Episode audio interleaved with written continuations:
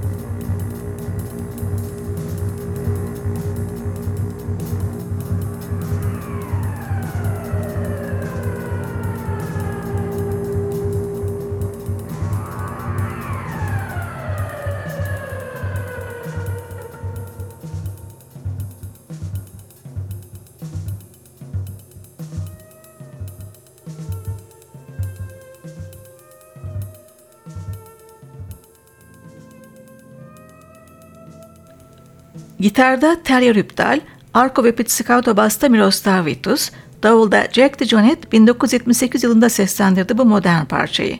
Rüptal'in bestesi Sunrise. Norveçli gitarcının 1979 yılında Danimarkalı trompetçi Palle Mikkelborg ve Norveçli davulcu Jon Christensen'le kurduğu üçlü sıra dışı olarak tanımlanıyordu. Aynı yıl çıkan Descender albümü de bu tanımı pekiştiriyordu. Albümdeki Rüptal bestelerinden Spade, atmosferik yapısıyla, yorumuyla birinci sınıftı.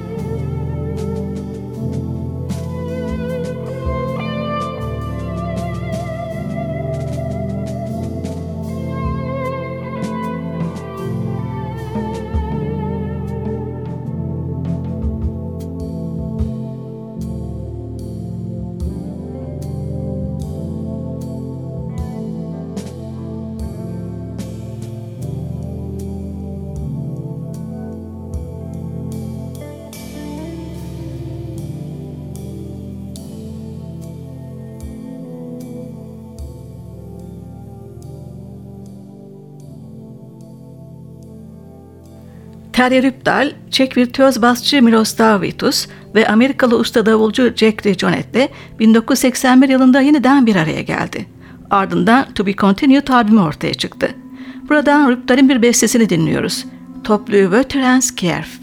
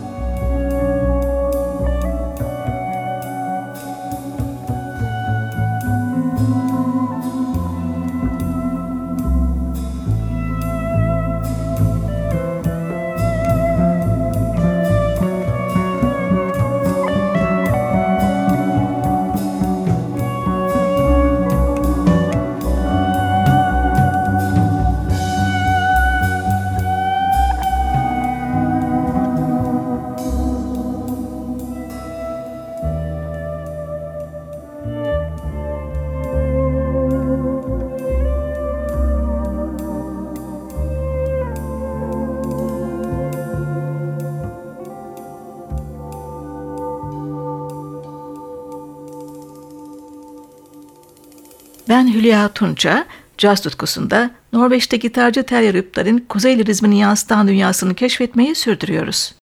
Daima değişik topluluk oluşumlarını seven sanatçı 1985 yılında Norveçli basçı Björn Kjelemyr ve davulcu Audun Kleive ile Chaser albümünü çıkardı. Eleştirmenlerce müthiş sıkı bir üçlü projesi diye övülen albümden bir doğaçlama seri dinliyoruz şimdi.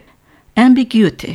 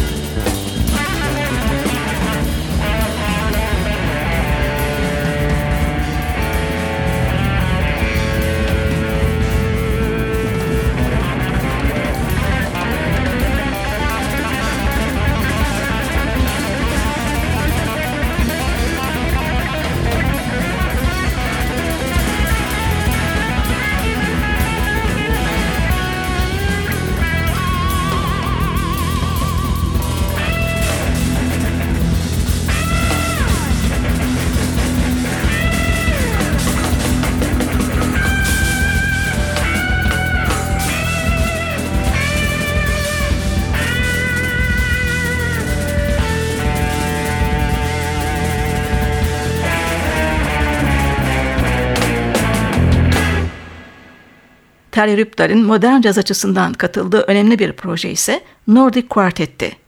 Soprano, bariton saksafon, alto ve bas klarnette İngiliz John Sermon, piyanoda Bergenli Vigley Storos, vokalde Norveç'in divası Karin Krok'tu dörtlünün diğer üyeleri. 1995 yılında çıkan Nordic Quartet albümünden Sermon ve Krog'un ortak bir çalışmasını dinliyoruz. Bir kış izlenimi, Watching Shadows.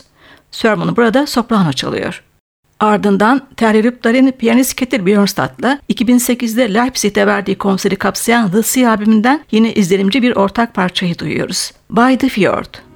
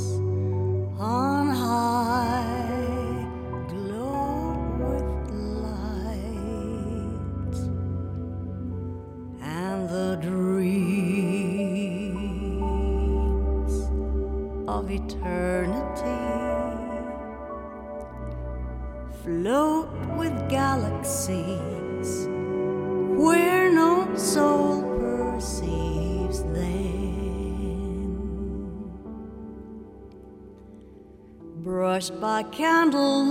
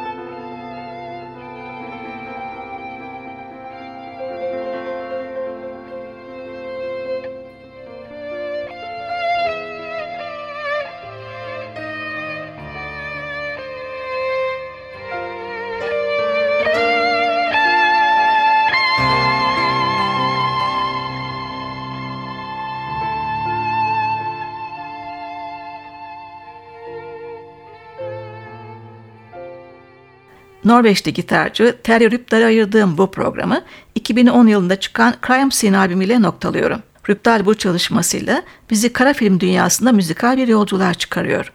Rehberse Clint Eastwood.